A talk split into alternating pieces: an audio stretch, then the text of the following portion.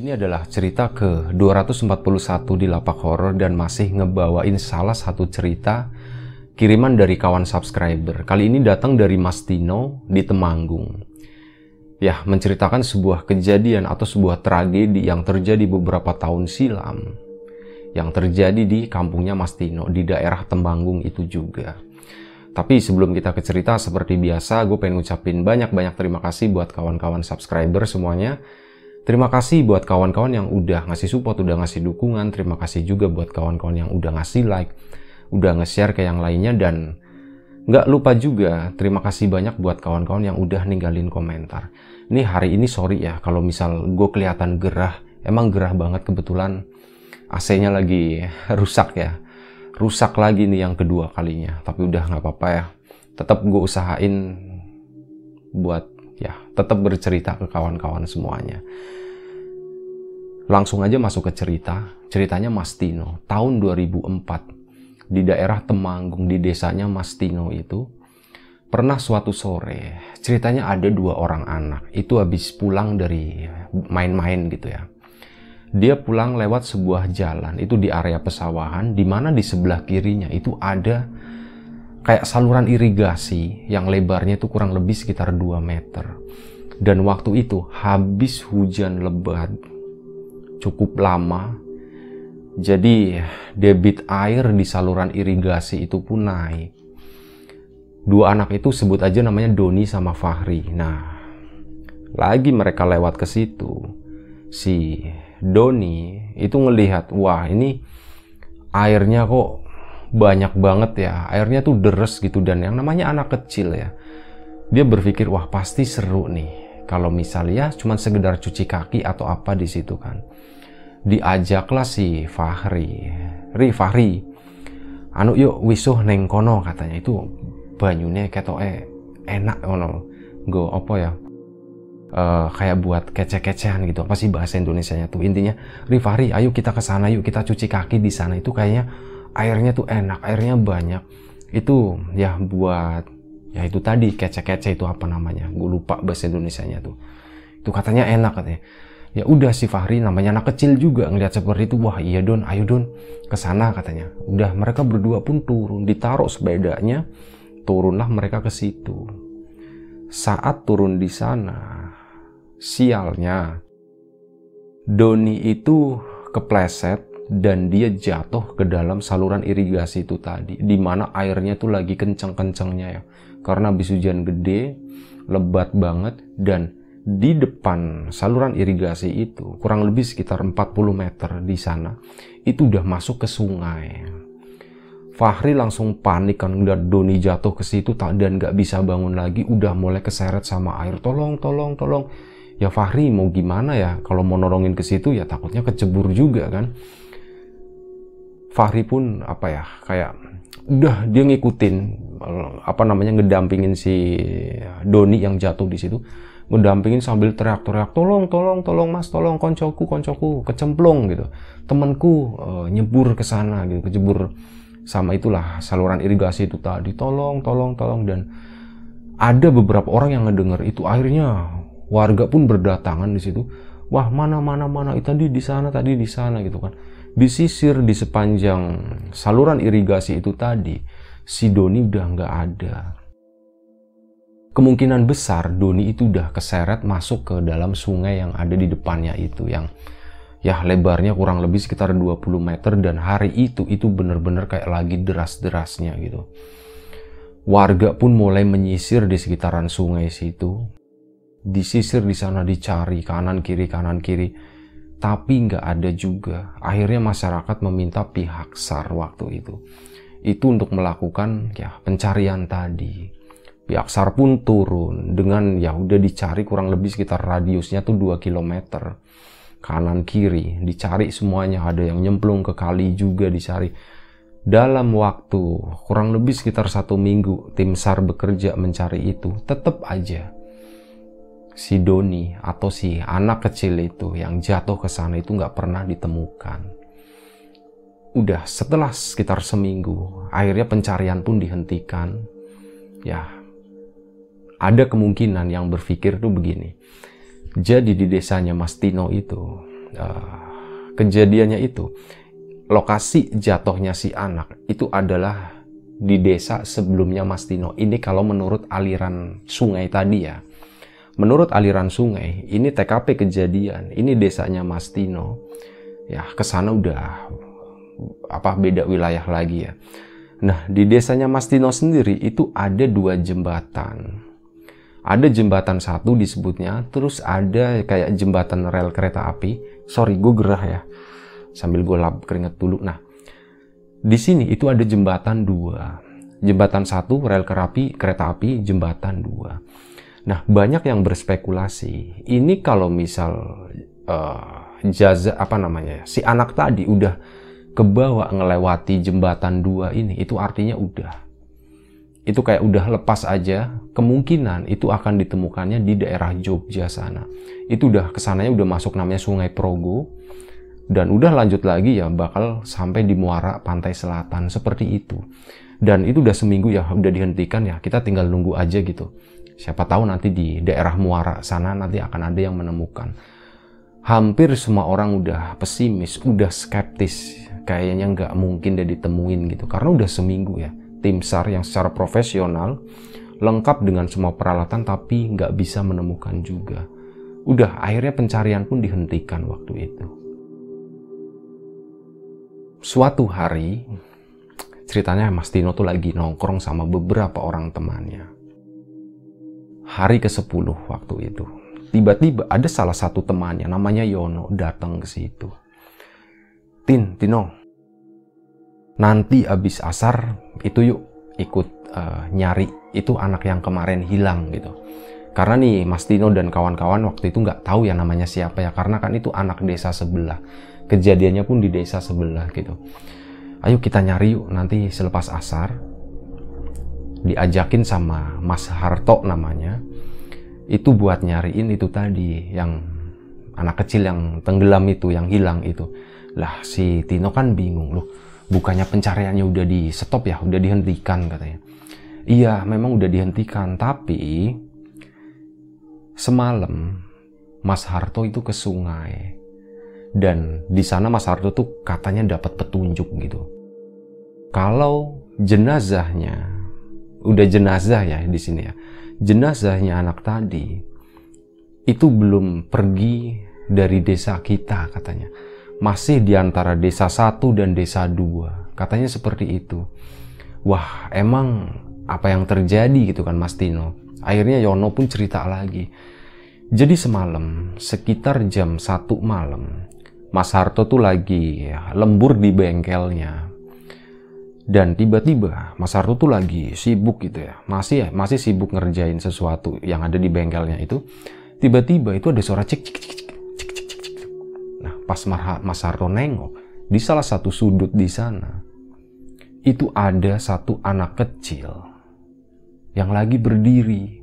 Anak kecil itu nggak pakai baju, usia kurang lebih sekitar 10 tahun. Wah, Mas Harto langsung ngedeket dong. Eh, kowe sopo? Kowe anak sopo? Wengi-wengi ini si dolan ngono kan. Itu kayak, eh kamu tuh siapa? Kamu tuh anaknya siapa?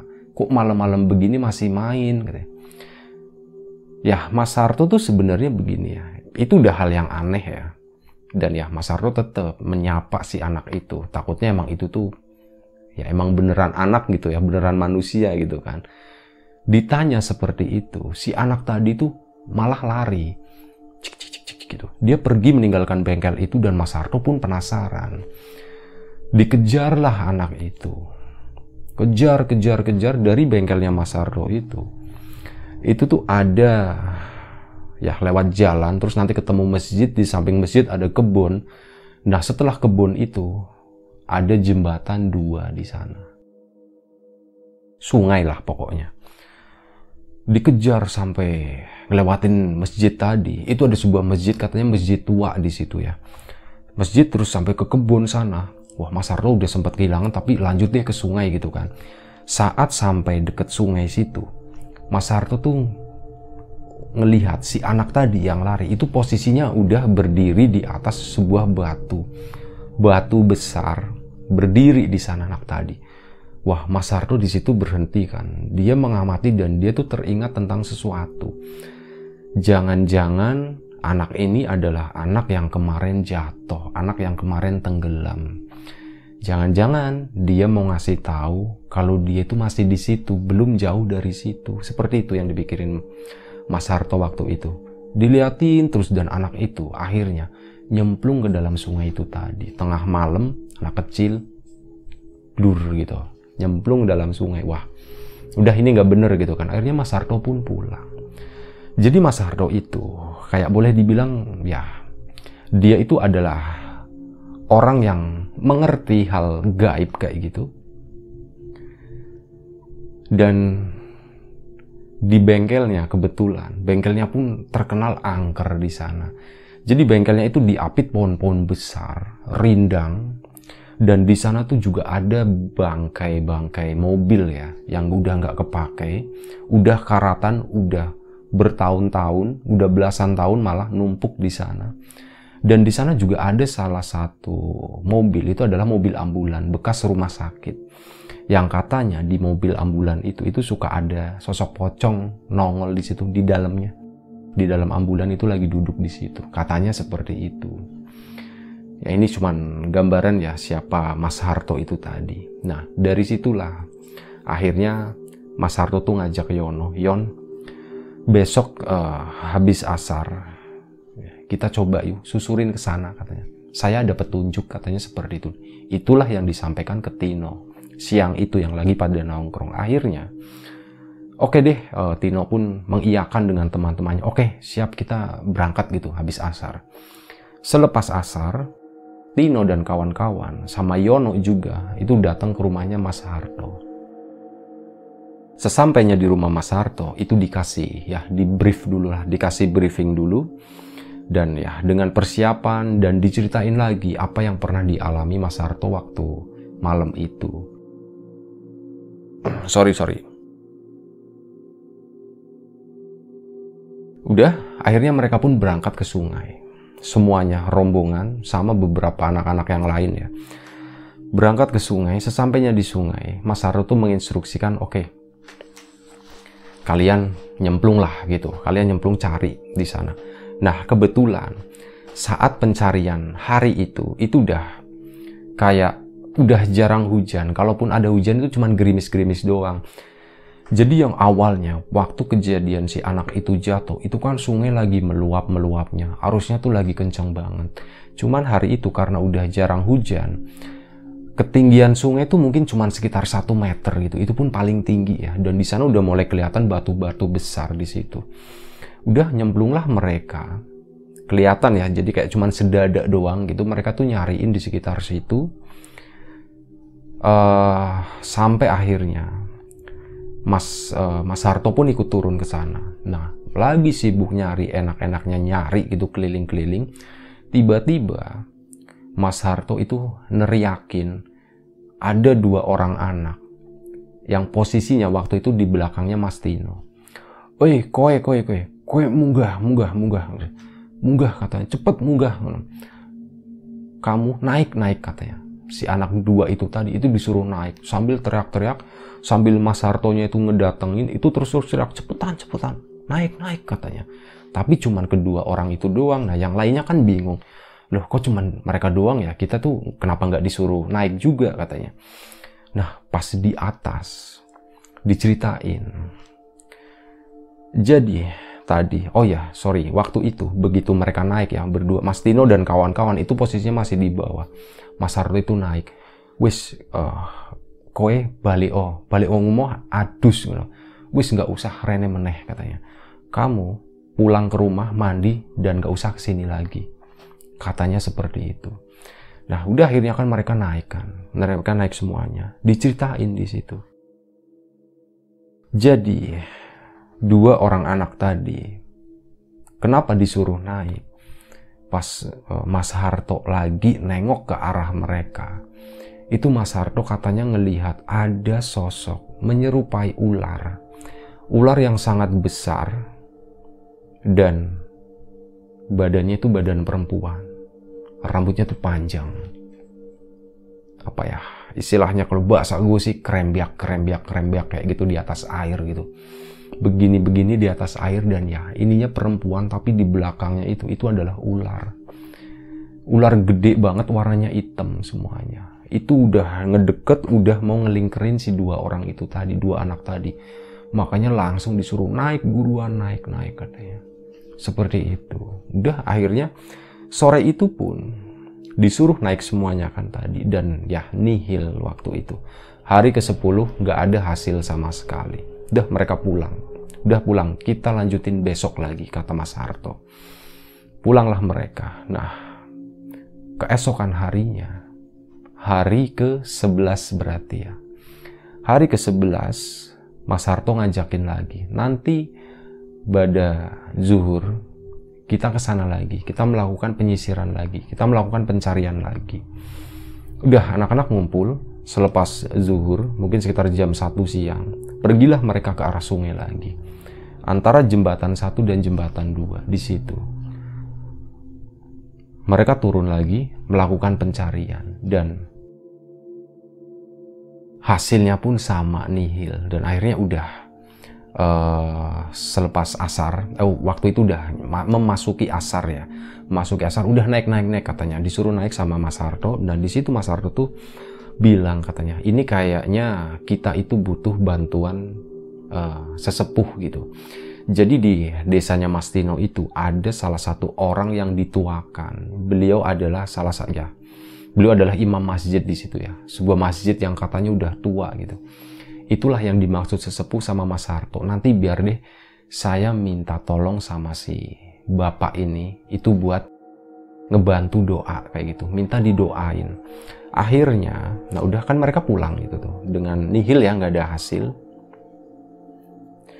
Uh, sorry, sebelum ke ini, yang kemarin itu yang tanggal 10-nya itu, setelah asar mereka naik pulang setelah itu ya ada yang dilingkerin itu malam harinya itu mereka balik lagi ke situ ternyata.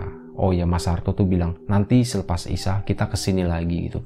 Dan malam itu datang ke sana lagi. Cuman Mas Harto tuh bilang sebentar jangan langsung turun katanya jangan langsung turun saya mau cek dulu Mas Harto itu sungai yang tadinya dalamnya cuma satu meter ya. Sama Mas Harto tuh diambil bambu panjangnya 3 meter. Itu dibeginiin ke bawah itu nggak habis-habis gitu. Itu harusnya tuh sungai tuh satu meter, kelihatan batu-batunya. Dimasukin bambu di beberapa titik itu sama kata Mas Harto. Malam ini sungainya lagi nggak beres katanya udah jangan kita lanjutin, kita jangan nyemplung ke sana. Gak beres ini, pokoknya nggak bener. Kita pulang aja, kita lanjut besok. Nah itu baru lanjutannya yang tadi, yang selepas duhur ya. Yang terus pas asarnya udah selesai tapi nihil. Akhirnya Mas Harto itu mau minta uh, bantuan sesepuh. Dan akhirnya diterima sama sesepuh itu. Selepas maghrib, uh, sesepuh itu, sorry, selepas isya, sesepuh dan beberapa orang itu diajak ke apa namanya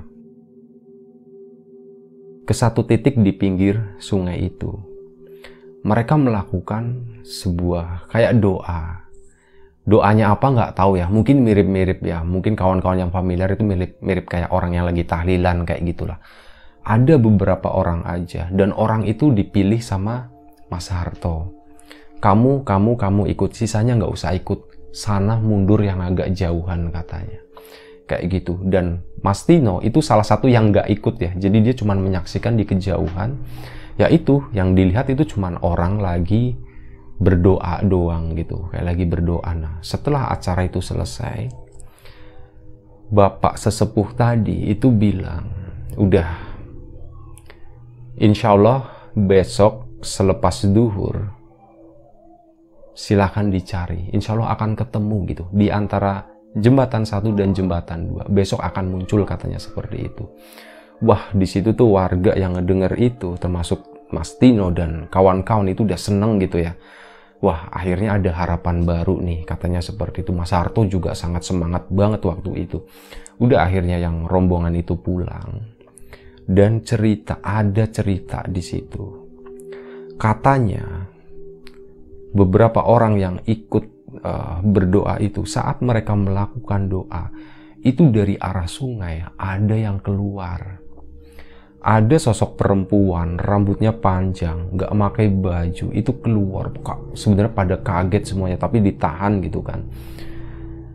Ada yang keluar dan setelah jadi keluarnya begini gitu kayak gitu. Setelah ya dari perut ke bawah ternyata itu ke bawahnya ke sononya. Itu adalah ular ular warna hitam dan Mas Harto itu tahu. Ini adalah sosok yang kemarin mau muterin dua orang anak yang lagi proses evakuasi waktu itu. Udah, ular itu uh, sosok tadi itu naik ke daratan, itu ngelingkurin orang-orang yang lagi berdoa tadi. Melingkar dia di sana selama beberapa menit sampai doa itu hampir habis. Nah, ular itu turun lagi ke air, nggak ngapa-ngapain, cuman gitu doang. Ya udah, setelah uh, dapat itu tadi ya kabar baik dari sesepuh akhirnya udah malam itu ayo kita istirahat aja buat besok katanya. Hari ke-12 nih keesokan harinya hari ke-12 selepas duhur warga itu udah ngumpul. Berita itu nyebar ya. Akhirnya banyak warga pun yang ya tertarik yang pengen gabung gitu ikut melakukan pencarian itu. Rame banget waktu itu. Selepas duhur pada datang ke arah sungai semua dari uh, jembatan satu ke jembatan dua. Dilakukan penyisiran bener-bener karena orangnya banyak ya. Ada yang nyisir dari jembatan satu ke arah jembatan dua. Ada yang nyisir satunya juga dari jembatan dua ke jembatan satu. Kayak gini dibalik bolak-balik gitu. Dan nggak lama setelah mereka melakukan penyisiran beberapa orang kan nyemplung gitu kan ada salah satu orang yang berteriak, "Iki jenate, iki jenate," gitu. Ini jenazahnya, ini jenazahnya, katanya seperti ini jenazahnya ketemu nih, jenazahnya ada di sini. Gitu. Akhirnya udah orang-orang pada ke sana kan ngedeket. Nah ternyata bener di sana itu ditemukan ada satu sosok mayat atau jenazah anak-anak usia sekitar 10-11 tahun dengan posisi kakinya itu di atas. Jadi yang kelihatan tuh cuman bagian kakinya doang. Sementara kepalanya di bawah dan itu posisinya waktu itu kejepit batu. Ada yang aneh di jenazah tadi. Meskipun udah hilang selama 12 hari, tapi jenazahnya itu boleh dibilang utuh awet. Itu kayak lebih mirip kayak jenazah yang baru tenggelam kurang lebih sekitar 2 atau 3 jam. Nggak ada luka sedikit pun, nggak ada lebam sedikit pun, dan nggak ada kulit kepala yang ngelupas kayak itu pun nggak ada gitu. Itu bener-bener, ya itu tadi, kayak orang yang pucet kaku gitu doang gitu. Cuman kayak 2-3 jam berendam di air, udah kayak gitu doang. Itu warga juga heran ya, wah kok bisa ya, bisa seperti ini kayak gitu. Ini sorry ya, di luar tuh masih ramai padahal udah malam udah udah jam 10 lewat gitu. Masih banyak anak-anak nih lagi pada main mungkin ya nggak tau lah. Nggak pada sekolah juga mungkin ya. Nah itu tadi akhirnya mayat itu pun diangkat dibawa gitu ya. Dibawa ke masjid buat dibersihkan di sana buat dimandikan. Dan Mas Harto itu pesan ini anak-anak eh, kawan-kawan yang ikut pencarian tolong ikut memandikan juga yang nyemplung ke air ya ini kawan-kawan yang ikut turun ke air tadi, itu ini tolong kalian ikut mandiin. Airnya dimandiin itu rame-rame, jenazah tadi. Dia dimandiin, udah bersih dan waktu itu belum dikafanin ya. Uh, ambulan dari rumah sakit datang. diambil ya dari situ waktu itu juga ada kepolisian juga waktu itu diangkutlah ke dalam ambulan katanya sih buat diotopsi setelah nggak lama beberapa jam jenazah itu pun dipulangin ke situ di, uh, dipulangin ke keluarganya ya. Udah mungkin ya selanjutnya adalah acara pemakaman segala macam itu itu itu nggak diceritain gitu. Intinya uh, alhamdulillahnya jenazah anak tadi atau dalam cerita ini yang pakai inisial nama Doni ya ini nama samaran itu akhirnya ketemu setelah 12 hari menghilang. Jadi sebenarnya kalau kata menurut Mas Harto ini jangan sampai nih kita itu lewat 13 hari atau ngelewatin uh, jembatan dua. Kalau udah lewat 12 hari, kalau udah lewat 13 hari maksudnya, itu kemungkinan akan hilang dan itu udah akan nyampe di sana, di muara pantai selatan. Sama halnya dengan setelah melewati jembatan dua itu juga sama, artinya udah telat gitu. Untung aja itu tadi ada petunjuk yang ngasih tahu kalau jenazahnya itu masih ada di situ gitu. Dan diusahakan sebelum 13 hari itu udah ditemuin kayak gitu. Dan alhamdulillahnya itu tadi. Melalui proses yang sangat panjang almarhum pun akhirnya ditemukan. Nah ada kejadian aneh lagi setelah mereka menemukan itu ya. Jadi malam harinya temennya Mas Tino beberapa temennya itu mengaku katanya kalau di rumahnya itu ada kejadian aneh. Jadi di kamarnya, di salah satu uh, kamar temennya itu, itu tiba-tiba ada kepit banyak kepiting di sana. Kepiting yang badannya itu masih basah. Kalau dia jalan itu lantainya itu masih basah gitu kayak kepiting baru keluar dari air. Itu ada yang di atas meja, ada yang di bawah kolong lemari, ada yang di bawah bantal juga ada. Itu katanya aneh banget ya. Kok bisa ya banyak kepiting seperti ini gitu? Tapi ya itu kejadian itu cuman satu malam doang. Setelah itu udah nggak ada lagi. Kepitingnya cuman diambil dan udah dibuang begitu aja bismillah gitu ya. Dan itu diceritain ke Mas Harto tapi sayangnya Mas Harto tuh nggak menjelaskan apa pun ah, dengan apa yang terjadi itu ya apa yang dialami sama mereka dengan kepiting-kepiting itu. Udah uh, intinya semuanya baik-baik aja sih setelah itu ya nggak ada masalah apa pun. Dan sampai akhirnya itu kurang lebih sekitar 10 tahun kemudian suatu malam selepas maghrib kejadiannya di bulan Januari. Bulan Januari itu lagi deres-deresnya hujan mungkin ya hujan deras selepas maghrib ada ibu-ibu berboncengan sama anaknya naik sepeda motor melewati spot yang sama di mana dulu Doni itu sempat jatuh di situ. Lewatin situ. Nah, di situ tuh waktu itu ada kayak semacam saung kayak gitu di mana ada beberapa anak muda nongkrong di situ. Nah, si ibu tadi itu mau ngelintas ke sana. Ibu itu sempat berhenti ya. Karena apa? Di depannya itu air itu deras banget dan posisi air itu tuh kayak nyebrang nyebrang jalan kayak gitu alirannya tuh nyebrang jalan turun ke uh, saluran irigasi yang itu ya beberapa anak yang di depan itu anak-anak anak muda itu udah bilang bu bu udah jangan dilanjutin bu bahaya bu bahaya katanya jangan diterusin ibu putar balik aja katanya. Nah si ibu itu ngeyel. Diterjanglah si jalan itu si air itu. Uh kayak gini kan dipaksa. Dan ternyata motornya tuh oleng, rodanya itu ke bawah air dan jatuh keseret si ibu sama si anaknya jatuh masuk ke dalam saluran irigasi tadi. Debit air lagi tinggi-tingginya, arusnya lagi deras-derasnya, kebawa lah si ibu itu. Motornya sih enggak, motornya, motornya nyangkut di situ ya. Ibu sama anaknya itu jatuh ke sana langsung uh, si pemuda tadi langsung ya ada yang lari ada yang teriak-teriak manggil apa warga ya warga yang lain dan akhirnya warga pun beberapa warga itu datang langsung dicari itu di uh, saluran irigasi itu tadi dicari disisir gitu kan nyampe mana kali aja nyangkut gitu kan dan ya sayangnya si ibu sama si anak tadi waktu warga ke sana itu udah nggak ketemu udah hilang, udah nggak ada jejak sama sekali, cuma ninggalin motornya doang gitu yang nggak ikut jatuh gitu ya. Itu udah warga udah berpikiran wah ini pasti masuk ke dalam sungai. Warga jadi inget ya kejadian yang dulu. Akhirnya dilakukan pencarian sama gitu ya. Manggil tim SAR itu nggak ketemu sama sekali. Di jembatan satu, jembatan dua itu pun nggak ketemu. Sampai akhirnya dapat kabar katanya si ibu tadi itu ditemuin udah masuk ke wilayah Jogja sana. Ya di Muara pantai selatan sana. Ketemunya di sana si ibu.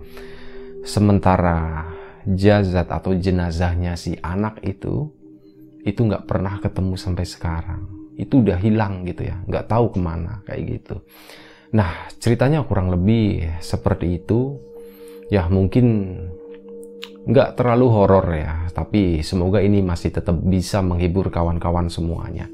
Terima kasih buat Mas Tony yang udah, eh Mas Tony, Mas Tino yang udah nge-share ceritanya. Gue mohon maaf, uh, misal ada salah-salah kata atau ada sesuatu yang kurang dalam ngebawain cerita ini, termasuk juga minta maaf ke kawan-kawan semua yang nonton, yang ngedengerin cerita ini, barangkali ada sesuatu yang gak menyenangkan ada sesuatu yang nggak enak di hati, nggak enak di telinga gitu ya. Gue mohon maaf. Uh, terima kasih banyak buat kawan-kawan yang udah mau nontonin, udah mau nengokin uh, channel lapak horor. Sekali lagi terima kasih dan gue mohon maaf diulang-ulang terus ya, sorry. Jaga kesehatan kawan-kawan semuanya. Assalamualaikum warahmatullahi wabarakatuh.